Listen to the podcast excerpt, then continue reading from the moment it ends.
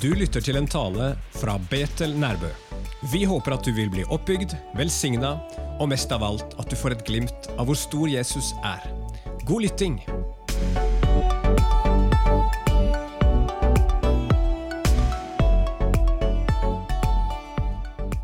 Da, I dag kan dere få lov å slå opp i kapittel 10.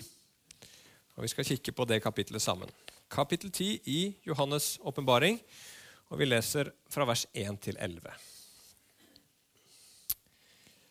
Så begynner vi der, og så gir jeg litt sammenheng og kontekst eh, etterpå det.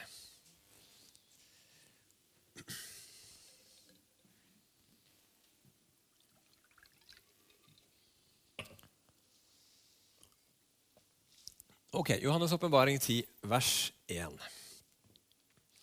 Jeg så enda en annen mektig engel som kom ned fra himmelen, innhyllet i en sky. Og en regnbue var over hodet hans, ansiktet hans var som solen, og føttene hans som ildsøyler. Han hadde en liten, åpnet bok i hånden sin, og han satte den høyre foten på havet og den venstre foten på landjorden. Og så ropte han med høy røst, som når en løve brøler. Da han hadde ropt, talte de sju tordener med sine røster. Da de sju tordener hadde talt med sine røster, skulle jeg til å skrive. Men jeg hørte en røst fra himmelen som sa til meg, Sett seil for de ting som de sju tordener talte, og skriv dem ikke. Engelen som jeg så stå på havet og på landjorden, løftet hånden sin mot himmelen og sverget ved ham som lever i all evighet, han som skapte himmelen og alt det som er i den, jorden og alt det som er på den, og havet og alt det som er i det, og sa at det ikke lenger skulle være noen tid. Men i de dager, når den sjuende engelen gir lyd fra seg, når han skal blåse i basunen, da skal Guds mysterium være fullendt, slik som han forkynte for sine tjenere profetene. Røsten som jeg hadde hørt fra himmelen, talte igjen til meg og sa, Gå, ta den lille boken som er åpnet i hånden på engelen, som står på havet og på landjorden. Så gikk jeg til engelen og sa til ham, Gi meg den lille boken. Og han sa til meg, Ta og et den. Og den, være, og den skal gi bitter smerte i din mage, men den skal være søt som honning i din munn. Så tok jeg den lille boken ut av engelens hånd og åt den, og den var søt som honning i min munn, men da jeg hadde ett den, fikk min mage bitter smerte. Og han sier til meg, du må igjen profetere om mange folk, folkeslag, tungemål og konger. Ja, kjære far, vi, vi står framfor deg i dag igjen, Gud. Og vi er sultne, og vi lengter etter å få høre ditt ord. Herre, for vi vet at vi lever ikke av brød alene, men vi lever av hvert ord som kommer ut fra din munn.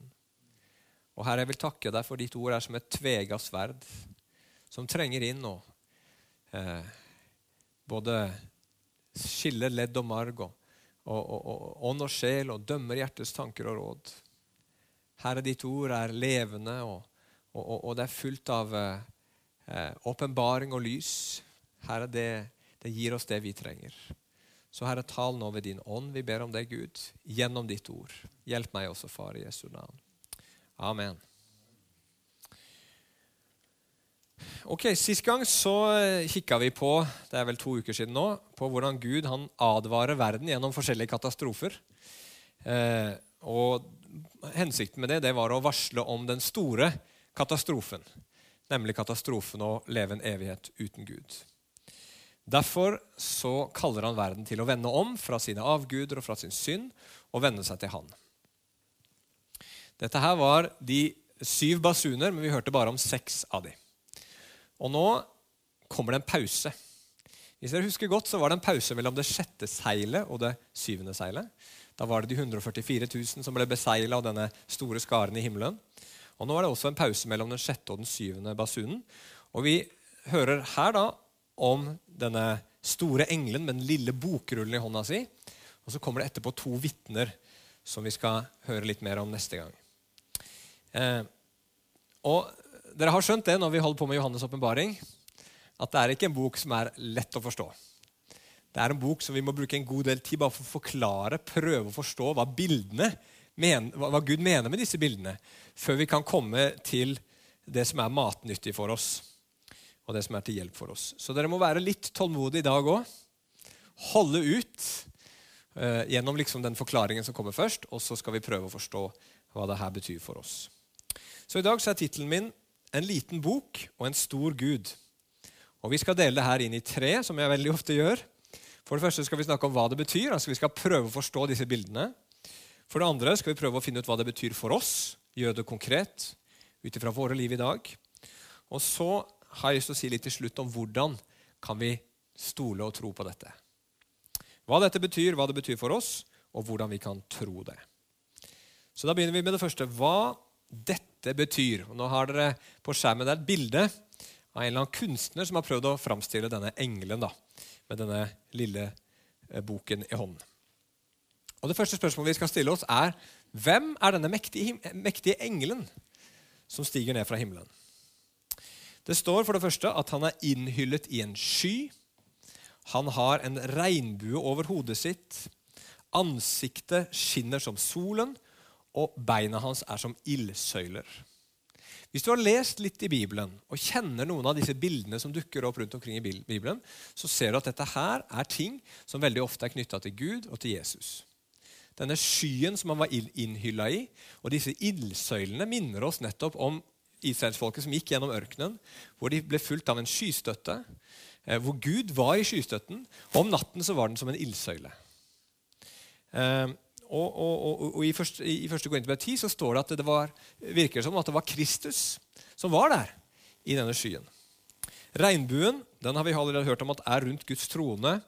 og Det er også det paktstegnet som Gud får fra Noah om at han skal vise verden nåde og ikke igjen sende en storflom over den. Og Dette ansiktet som skinner som solen, det finner vi hos Jesus i kapittel 1. Hvis dere husker det, Når Johannes møter Jesus ansikt til ansikt, så, så, så, så skinte ansiktet hans som solen. Og Det har fått veldig mange til å tenke at denne engelen her faktisk er Jesus. Det er litt problemer med det, bl.a. at det er en annen engel. Eh, så det er en engel, liksom de eh, seks englene som gikk før. Og I tillegg så blir ikke denne engelen her heller tilbedt. Så jeg tror ikke at det er Jesus vi ser her. Men alle disse symbolene forteller oss at denne engelen her, den, som, som setter foten sin både på land og på vann, den er en representant for Gud og bærer med seg Guds autoritet og Guds makt. Og noen ganger faktisk i Det gamle testamentet, Hvis du leser om en del av disse englene som dukker opp, så er det noen ganger litt vanskelig faktisk å skille mellom er det englene eller er det Gud som prater. For plutselig så snakker englene, og så står det 'Herren sa'. Så en veldig tett identifikasjon mellom englene og Gud veldig ofte. Så på mange måter så er denne, guden, denne engelen her unnskyld, eh, der som om det var Gud selv. Den representerer Gud. Og så står det videre da, noe veldig mystisk. Engelen brøler som en løve. Det minner oss også om Jesus, ikke sant, som er løven av Juda. Og så taler, det, taler de sju tordener, står det. Eh, og det finnes ingen forklaring her på hva de syv tordener er. Så hva i all verden er det? Vel, vi må bare tenke oss fram til det. Jeg tror, i og med at En hellig ånd kalles i Johannes' åpenbaring for de sju Guds ånder og de sju ildfaklene som er foran Guds trone, så tenker jeg at det er naturlig å tenke at de syv tordener eh, ganske enkelt er Guds stemme. Det er Gud som taler. Og Guds stemme kalles også for torden i Det gamle testamentet, f.eks. i Salme 29. Men merkelig nok, og kanskje irriterende nok, så får vi altså ikke høre hva disse syv tordenene sier. Er ikke det litt irriterende? Åh, Johannes får nemlig beskjed av Gud om å ikke skrive det ned. Og Så står det videre at denne mektige engelen han løfter hånden sin, og så sverger han ved Gud, han som lever i all evighet, at det ikke lenger skal være noen tid. Hva betyr det? Det kan jo være at liksom, nå, er, nå, går vi inn i evigheten, nå er tiden slutt. Muligens. Men litt bibelstudium har vist meg at i Daniels bok kapittel 12 så har du en lignende episode hvor det fins et sånn englevesen som nettopp løfter hendene sine hvis du vil kikke, kikke, på det selv, så kan du gjøre det. Han løfter hendene sine til himmelen og sverger ved Han som lever i all evighet. Akkurat samme ordene. Daniel 12. Og hva er det han sier? Jo, han sier noe annet, for Daniel spør han. Daniel har fått høre om Antikrist, han har fått høre om endens tid, og han har fått høre om dommen. Og Så spør han denne engelen når skal det her skje. Og Så løfter engelen hendene sine og så sier han én tid. Han sverger ved Han som er i himmelen osv. Så, videre, så sier han én tid, tider og en halv tid. Og Det er en sånn mystisk tidsangivelse som faktisk dukker opp igjen også i Johannes' åpenbaring. Så det skal vi se på neste gang. Eh, men eh, Poenget er ikke så veldig vanskelig. Han sier rett og slett til Daniel det skal ikke skje ennå. Dette som du hørte om nå, det kommer seinere, men ikke nå. Men her sier englene at nå er det ikke mer tid. Med andre ord det skal skje nå. Nå er enden her. Nå er tiden hvor den syvende basun skal lyde, og Guds mysterium, står det, eller Guds plan for menneskeheten, skal bli fullendt. Og Det siste, som er litt mystisk her, det er den lille boka eller lille bokrullen som han har i hånda. Stor engel med en liten bokrull. Og Denne får Johannes beskjed om å ta. Johannes går bort og ber om å få den. Så sier engelen til ham at han skal spise den. Og Den skal gi bitter smerte i hans mage, og så skal den være søt som honning i hans munn. Og ganske riktig, det er det som skjer. Den er søt i munnen, men bitter i magen. Hva er denne boka her for noe? Ja, Der også er det masse teorier, men kanskje vi kan gjøre det så enkelt som å si at det er et profetisk budskap som Johannes får. For det er jo det han sier videre. Du må igjen tale.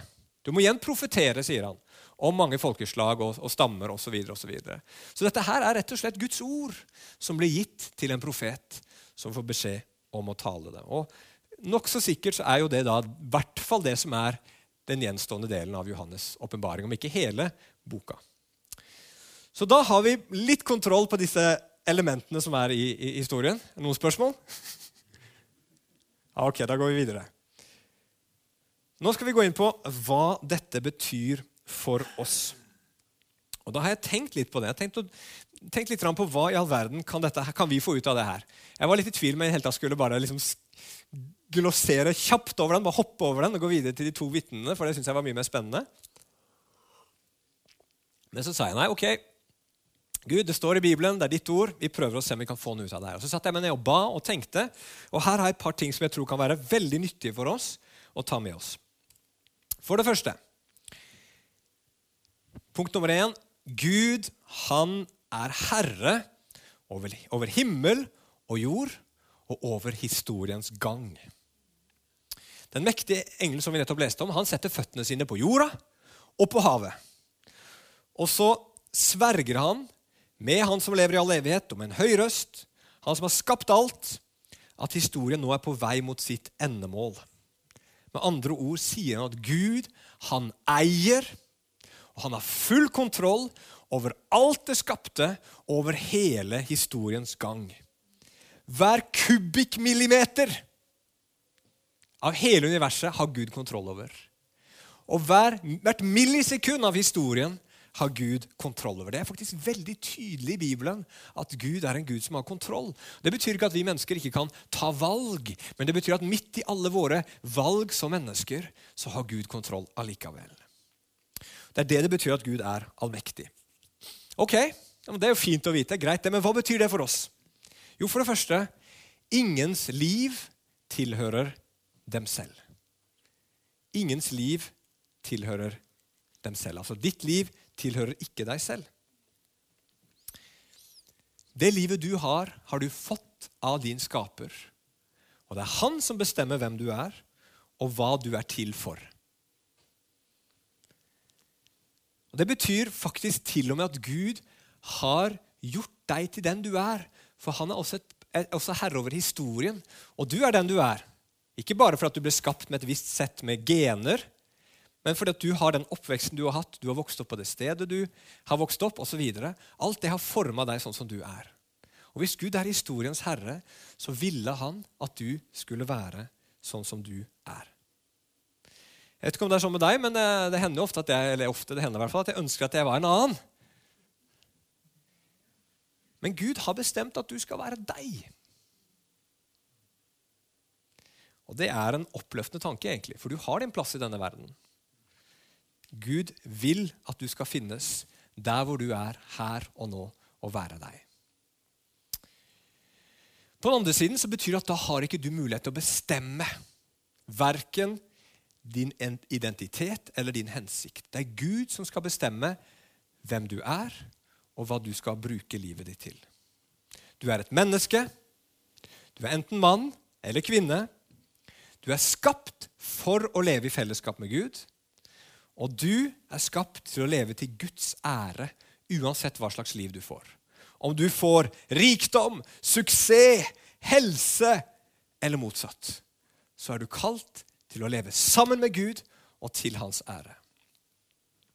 Og Mange tenker det er jo forferdelig frihetshemmende. Det er som å putte oss i et bur. Det er jo ingen frihet i det. Men La meg gi deg en illustrasjon. Tenk på en fisk som vil være fri. Så fisken bestemmer seg for at han vil være en katt og leve på land. Er den fisken da fri? På en måte kan vi jo si det. altså Man får jo gjøre som man vil. Men en fisk på land kommer ikke så veldig langt. Får store problemer med å finne mat, og enda større problemer med å finne luft og puste. Og de kattene som han sikkert veldig gjerne vil være sammen med, de liker han sikkert veldig godt til lunsj. Så det er ikke en sann frihet, og det ender med død for fisken. Er du fri? Blir du fri når du velger å leve uten Gud? Og skape din egen hensikt og si 'dette er det livet mitt handler om'? Blir du fri da? Altså, På en måte så, så, er det jo ditt valg. Du har en frihet til å ta det valget, men allikevel så blir du ikke fri. For det fins en virkelighet her som du ikke kan unngå. Du kan ikke lure deg unna den virkeligheten som er rundt deg. Du får det ikke bedre enn en fisk på land. Du vil gå hele livet ditt med et hull i hjertet ditt som ingenting i den verden her kan fylle. Du vil alltid være åndelig sulten. Og du vil ikke ha noe forsvar mot de destruktive kreftene som fins i denne verden her, og som vil bryte mennesker ned. Og du vil heller ikke kunne utvikle deg og bli det du var skapt til å være. Du blir tom, du blir hemma, og verden vil til slutt spise deg. Og du dør. Vi dør i denne verden fordi vi ikke lever sånn som vi ble skapt til å leve. Det er Bibelens budskap. Hva er ekte frihet? Ekte frihet for et menneske det er å være avhengig av Gud. Leve sammen med Han og bestemme seg og si Gud, det du vil med mitt liv, det er det jeg også skal bruke livet mitt på. Det betyr for det andre også at du er, hvis Gud er herre over alt, så er du 100% trygg. Jeg kan si amen på den altså hvis dere har lyst. Det fins ikke noe område i livet ditt som Gud ikke har kontroll over. Og Hvis Gud i tillegg er god, så kan du vite at han vil bruke sin allmakt til det beste for deg. Det betyr ikke et enkeltliv, sier Bibelen, men det betyr samtidig et liv fylt med mye godt. Vi må ikke glemme den siden der, for Gud er virkelig god. Han vil gi deg gode ting. Men han lover deg ikke bare gode ting i dette livet. Men det blir et liv hvor alt tjener til Guds gode hensikt. Og Guds hensikt med, med, ditt liv er ikke at du skal føle deg så lykkelig som mulig til enhver tid. Det er ikke at du skal få utnytta ditt potensial til det maksimale, og, og, og, så videre, og så videre, men at Gud, det han vil med livet ditt, det er at du, du skal bli helliggjort, sånn at du kan trives i himmelen. Og at du skal lære Han å kjenne, sånn at du blir avhengig av Han. Amen. Ok, nummer to. Gud åpenbarer ikke alt. Da jeg var yngre, så hadde jeg en vits som jeg var veldig glad i å fortelle. Og Det var vitsen om en mann som hver eneste bursdag ønska seg en grønn tror jeg det var, eller kanskje en rød, samme det, en grønn pingpongball til bursdagen sin. Fra han var barn og til han var voksen.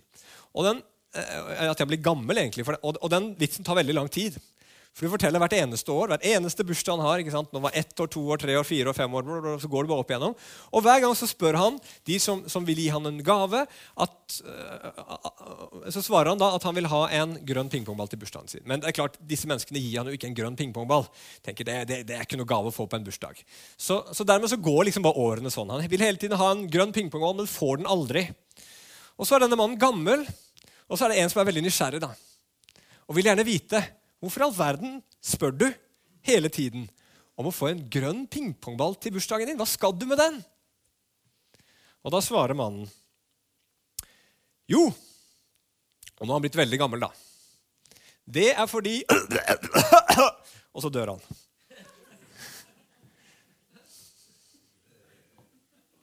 Jeg kan love deg at det er en veldig irriterende vits. For å ha sittet der kanskje i i, i, i en halvtime og hørt på liksom, ja. Jeg syns det var veldig gøy. Så det var gøy for meg, ikke så gøy for de andre, kanskje. Så om det helt er en vits, det er litt, litt, litt tvil om det. Men, men, det blir litt sånn her òg, ikke sant? Gud taler. Vi får høre at de sju tordener taler. Å, hva sier de sju tordene? Nei, det får vi ikke vite. Ok. Så blir vi litt skuffa. Hvorfor ikke det, Gud? Hvorfor kan vi ikke få vite hva de sju tordener sier? Fortell oss! Og jeg tror svaret er ganske enkelt. Det fins enkelte ting som Gud har gode grunner til å skjule. Og Sånn gjør vi mennesker òg. Det er ikke alt foreldre forteller til barna sine, for de vet at det er best for barna å ikke vite alt. Det er ikke alt staten forteller oss heller. Det fins en del dokumenter inne i Oslo antageligvis en plass som er hemmeligstempla, og som ikke vi har offentlig tilgang til, for de tenker at det er best det er i, i, nasjonens interesse at dette her ikke blir allment kjent. Eh, og selv om Bibelen er en bok med informasjon om mange ting den er, Det er en spennende bok. Den gir oss enormt mye interessant og svar på alle de viktige spørsmålene. Så gir Bibelen oss ikke alltid svar på alt. Og Det kan gi oss noen intellektuelle og noen følelsesmessige utfordringer. Har noen av dere kjent på det noen ganger? Eh, hvem har hørt om Bart Ehrman her? Nei vel. Han var iallfall en fyr eh, fra USA da, som fikk en troskrise. Eh, han var bibelstudent, eh, teologistudent, og så klarte han ikke i hodet sitt å godta at Bibelen var ufeilbarlig, at den var Guds ufeilbarlige ord. Det var liksom noen passasjer i Bibelen han ikke fikk til å henge sammen. Og, og, og Dermed så kom han inn i en sånn troskrise. Hva gjør du da når det skjer? Eh, en annen historie det var et ektepar jeg kjente. Eh, de kom inn i en troskrise, de òg. Det var fordi de fikk et barn som var for tidlig født. Og Det ble veldig tøft for dem, for de hadde liksom fulgt Jesus. De hadde vært veldig radikale, veldig overgitte. Og når de fikk sitt første barn, så ble det for tidlig født, og det var krevende, og de visste ikke om barnet kom til å overleve. Og det var liksom så vanskelig for dem. Og de skjønte ingenting. Hva skulle de gjøre nå? I det første tilfellet, han Bart Ehrman, han er kjent fordi han forlot troen og skriver masse bøker i dag om hvorfor vi ikke kan stole på Bibelen. Dette andre ekteparet derimot, de bestemte seg for at ok, vi forstår ikke alt. Vi vet ikke helt svaret på hvorfor dette skjedde, men vi velger å stole på Gud allikevel. Og Det er garantert for deg også at en eller annen gang i din reise med Gud, i ditt liv med Han, så kommer du til å støte på sånne problemer. Intellektuelle problemer. Hvordan henger det sammen? Hvordan går det an? Eller følelsesmessige problemer. ikke sant? At det, å, hvordan kan dette skje? Hvordan kan du tillate dette? Hvorfor skulle mitt liv bli sånn? Og Da er det bra å se på jobb i Bibelen. For han opplevde det, gjorde han ikke det? Han hadde både intellektuelle problemer han hadde følelsesmessige spørsmål til Gud. Og Gud svarer han jo. Og hva sier Gud til jobb? Hva er Guds svar til jobb? Jo, han, eh, Det han ikke sier, er Jo, hør her, jobb. Denne lidelsens hensikt er Nei, det sier han ikke. Han sier bare til jobb. Jobb, er du Gud? Og jobb sier nei. Ok, jeg skjønner. Og så bare omvender han seg, og så begynner han å stole på Gud. Gud gir oss ikke alle svarene, og han har en hensikt med det. Men det han vil at vi skal vite, er at vi kan stole på han. Vi trenger ikke vite alt. Du trenger ikke vite alt som en kristen. Vi kan vite mye, men vi trenger ikke vite alt. Vi kan stole på Gud. Og så, Det siste var at Guds ord var så lite. Så det er en liten bok, og så var det bittert, og så var det søtt. For det første, det var så lite. Det fine er jo én ting da, at Gud etterlater oss ikke i mørket. Selv om det er mange ting vi ikke vet, så gir han oss sitt ord. Men veldig ofte så er Guds ord sånn at det kan virke litt lite og litt ubetydelig. En liten bokrull. Jeg vet ikke om du som meg tenker at når profetene talte i Det gamle testamentet, så bare boom, rysta jorden. og De fikk sånn overnaturlig ekko på stemmen sin, og det var liksom lysshow fra himmelen. og alle bare, eller, eller mørke, kanskje, eller et eller annet sånt, og alle bare sto der og skalv, for profeten talte. Kanskje det var like lite spennende som å høre på meg prate akkurat nå. Du kunne jo satt på litt mer lys her og litt mer effekter. Du kunne jo hatt sånn der eh, kraftig klang og litt sånn på, på stemmen min, så ville det vært litt mer spennende, kanskje. Det er blitt litt kjedelig i lengden eller irriterende, kanskje. Men, men, men, eller når du ser en som står på gata og vitner om Jesus. Eller når du prøver å vitne for noen. Fortell om Jesus. Har du opplevd noen ganger at liksom du sitter der og så bare øh, føles det så lite ut, og så dumt ut, og så svakt ut, og så øh, finner du kanskje ikke ordene, og så føler du deg litt sånn rar etterpå. Og svak. Det har noen opplevd. Hvorfor er det sånn? Hvorfor virker Guds ord, ordet fra skaperen av himmel og jord, så lite og så ubetydelig noen ganger i denne verden? Jeg tror kanskje historien om Elia gir oss svaret på det. Vi var litt innom det i, i bønneuka vår òg. Han opplever å få spesialeffekter i tjenesten sin. Sant? Han sto på Karmel, og ilden bare ned fra himmelen og brant opp eh, det der eh, alteret og offeret og alt som var på det. Og folk rundt bare Wow! Men så blir han veldig deprimert etterpå, for han finner ut at disse menneskene blir jo ikke forandra. Er akkurat de samme. Og i tillegg så blir han forfulgt. Så han rømmer ut i ørkenen. Og så, og så spør han. Og det han spør dypest sett, er det her. Hvor er du, Gud? Han, han sier, bruker mye mer ord enn det, men han spør meg hvor, hvor er du, Gud? Hvor er du? Og så kommer det både storm, jordskjelv og ild. Og Så står det at Gud var ikke i stormen, han var ikke i jordskjelvet, han var ikke i ilden. Men så kom det lille, stille suset. Den stille susen. Vet du hva? Det er ingenting i veien for å tro på store ting. Mirakler og herlighet. Det tror jeg på. Jeg tror Gud gjør store ting. Og jeg ber om det ofte. Men to ting. Det er ikke sånn hele tiden. Jeg tror, ikke, jeg tror vi leser Bibelen litt for raskt noen ganger. Bare tenk på at i Apostlenes gjerninger kapittel 2 da Den hellige ånd falt på disiplene, fram til apostlenes gjerninger 13, hvor Paulus blir sendt ut, så er det en god del store mirakler som skjer. ikke sant? Vet du hvor lang tid det tidsspennet der er? Det tar 20 år. Vi leser på 20 minutter. Så da tenker vi noen ganger at det, liksom, her var det bare mirakler hele veien. Nei, det var mange helt vanlige dager. Stort sett bare vanlige dager for de første kristne. Men så kommer Gud bom, bom innimellom. Så tenker jeg noe som er enda viktigere, og det er at Guds virkelige arbeid det skjer ikke i det spektakulære, men det skjer i det stille, hvor Gud jobber med den enkeltes hjerte. Det er her menneskelig blir forandra. Og det siste det var bittert og søtt. Hva er bittert med Guds ord? Kan og det å få Guds ord være noe bittert? Guds ord er jo gode nyheter, og det er det. Det er et budskap om stor glede. Og når du ser Guds godhet og håp om herlighet og frelsen og alt det der gode som Bibelen taler om, så blir Guds ord som honning på leppene dine. Har du hatt noen sånne opplevelser? Be Gud om det hvis ikke du har opplevd det. At du leser Guds ord og kjenner at å, dette gjør godt. Dette gjør godt for sjelen min. Dette gir meg håp, dette gir meg glede, dette gir meg fred. Dette gir meg mening. Takk, Gud, at du talte til meg nå. Og Det er veldig ofte i sånne situasjoner hvor vi er litt fortvila, og det er litt tungt, og vi går til Guds ord, at bom, der kommer det! Og så blir det levende for oss, og så er det søtt som honning. Men Bibelen har også en bitter side. Noen ganger så kommer Guds ord til oss som et sverd. Forteller oss at det er noe galt med oss, og vi trenger å omvende oss. Det er ikke alltid like behagelig. Guds ord er bittert og på den måten at det lover oss det gjør faktisk det lidelse i denne verden. Og så inneholder også Guds ord en del smertefulle sannheter. Det fins en dom. Det fins en fortapelse. Og noen kommer til å gå fortapt. Det hører med.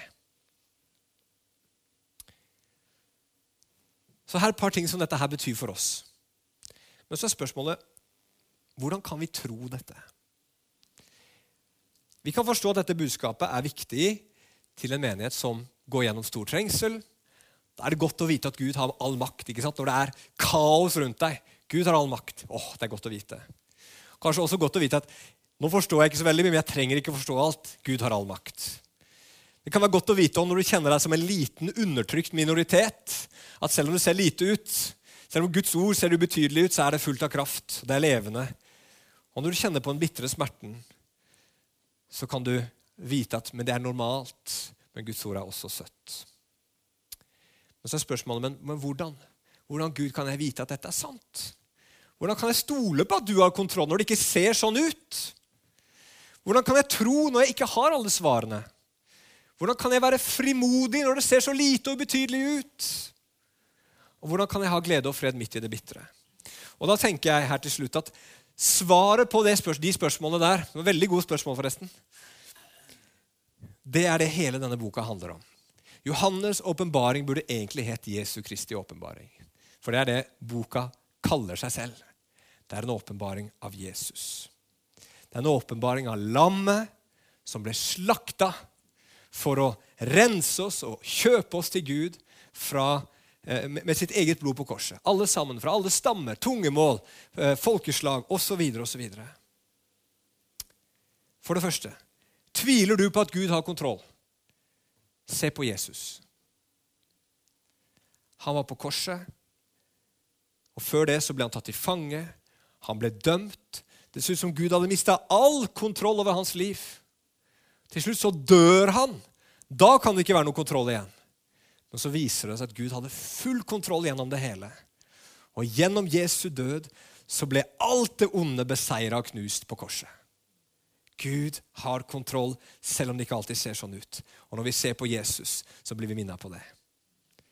For det andre er det vanskelig å svare eh, å stole på Gud når du ikke har alle svarene. Se på Jesus. Jesus som dør på korset, er Guds åpenbaring av sin kjærlighet til deg. Han elsker deg så mye at han var villig til å gå så langt som det går an å gå for din del. Han var villig til å betale den høyeste pris til å være det største, til å ofre det mest dyrebare han hadde. For din skyld. Så mye elsker Gud deg. Da kan du stole på ham, selv om han ikke forteller deg alt. Er det tungt for deg når kristenlivet virker så smått, så ubetydelig og så vanlig ordinært? Se på Jesus. For hvem var han? Han var en fattig mann, vokste opp i en by med dårlig rykte. Han var 30 år og var ikke gift. På den tiden så var ikke akkurat det et statussymbol. Og til og med så han ikke særlig imponerende ut, står det i Jesaja 53. Men skinnet bedrar. Dette veldig vanlige mennesket som ikke gjorde et eneste mirakel på 30 år. Han var Guds enbårne levende sønn. Det var han som holdt hele universet oppe med ordene fra sin munn, sånn som hebreerbrevet sier. Det var han som ved sitt liv og ved sin død skulle snu hele verden opp ned og drepe døden og bringe liv og udødelighet fram i lyset. Se på Jesus. Se på Jesus. Er det krevende når det følger så mye av det bitre ved det å tro på og bekjenne Jesus? Ja, se på Jesus. Han drakk den bitre koppen med all vår synd og smakte døden for oss alle sammen på korset. Og det var for å redde oss fra den sanne bitterheten, som er evig død. Og det bitre du og jeg smaker nå, det er bare en midlertidig bismak som en dag skal bli borte. Bibelen sier at våre lidelser, det vi går gjennom her nede, er for ingenting å regne. Altså, det er jo litt sprøtt at Paulus sier det. Det er for ingenting å regne sammenligna med den herlighet som en dag skal bli åpenbart på oss. Men du vet ikke hvordan jeg har det, Gud. Du vet ikke hvor tøft og vanskelig det er. Jo, han vet det. Han vet nøyaktig hva det er for noe. Og allikevel så sier Gud, sammenligna med det som kommer, sammenligna med den framtiden du har, sammenligna med den herligheten jeg har forberedt for deg, så kommer det til å være som ingenting. Kommer til å være som et lite myggstikk. Sammenligna med all den herlighet, glede, fred og, og velsignelse som din evighet skal bli bestående av. Og vet, Livet ditt er veldig langt. Og det livet du lever her nede på jorda, det er bare 99,999999999 Og kan du bare egentlig legge på nitall i det uendelige. av ditt liv. Nei, unnskyld. Omvendt, mente jeg. 0,00000. Og så er det ett tall en gang på slutten der. da. Men det livet vi skal leve i evigheten, det er 99,99. 9999 Uff. Det er lenge siden jeg hadde matte. Men se på Jesus. Det er budskapet i Bibelen. Det er budskapet i Johannes' åpenbaring også. Se på Jesus. Se på Jesus, og da blir Guds ord søtere enn honning, og du kan finne din glede i det. Skal vi be sammen? Kjære himmelske Far. Herre, takk for de sannheter som du har åpenbart for oss i dag. Herre, kanskje virka det ubetydelig og lite, Herre Jesus. Kanskje var det ikke så mye å skryte av, Herre Jesus, ut fra menneskelig forstand og ut fra menneskelige forutsetninger. Det var ikke noe fyrverkeri her, Herre. Det var ikke noen spesialeffekter, men det var ditt ord, Gud. Og jeg takker deg for det er levende og virksomt. La det gjøre noe med våre hjerter. La det trenge inn i oss, Herre. Minn oss på disse sannhetene, Herre Jesus. At du har full kontroll, Herre. At vi trenger ikke å vite alt. Og at dette livet her, Jesus, der nede, det, det, det bringer med seg bitterhet og ubetydelighet. Men Herre, det betyr ikke at, ikke at dette, her, dette, er det beste som fins, for det er det, Gud. Så bare hjelp oss å forstå det bedre. Vi ber om det i Jesu Kristi navn. Amen.